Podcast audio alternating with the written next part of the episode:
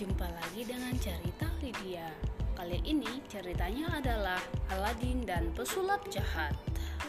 Satu hari, Aladin pergi ke pasar Agrabah bersama Putri Yasmin dan binatang piaraannya. Di pasar, banyak penjual menawarkan dagangannya. Ada bermacam-macam barang.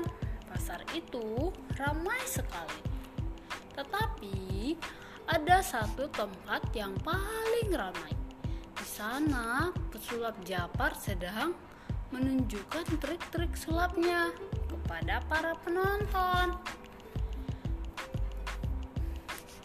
Aladin, ayo kita lihat pertunjukan sulap pesulap Jafar, ajak Yasmin. Baiklah, jawab Aladin. Sebenarnya Jafar pergi ke pasar untuk mencari Aladin. Betapa senang hati Jafar ketika ia melihat Aladin dan Yasmin.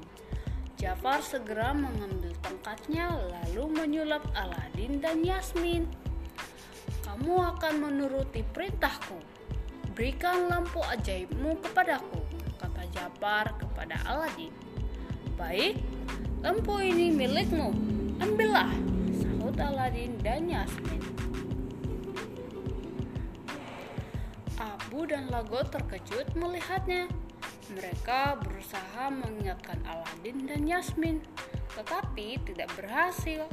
Aladin dan Yasmin sudah terkena sulap Jafar.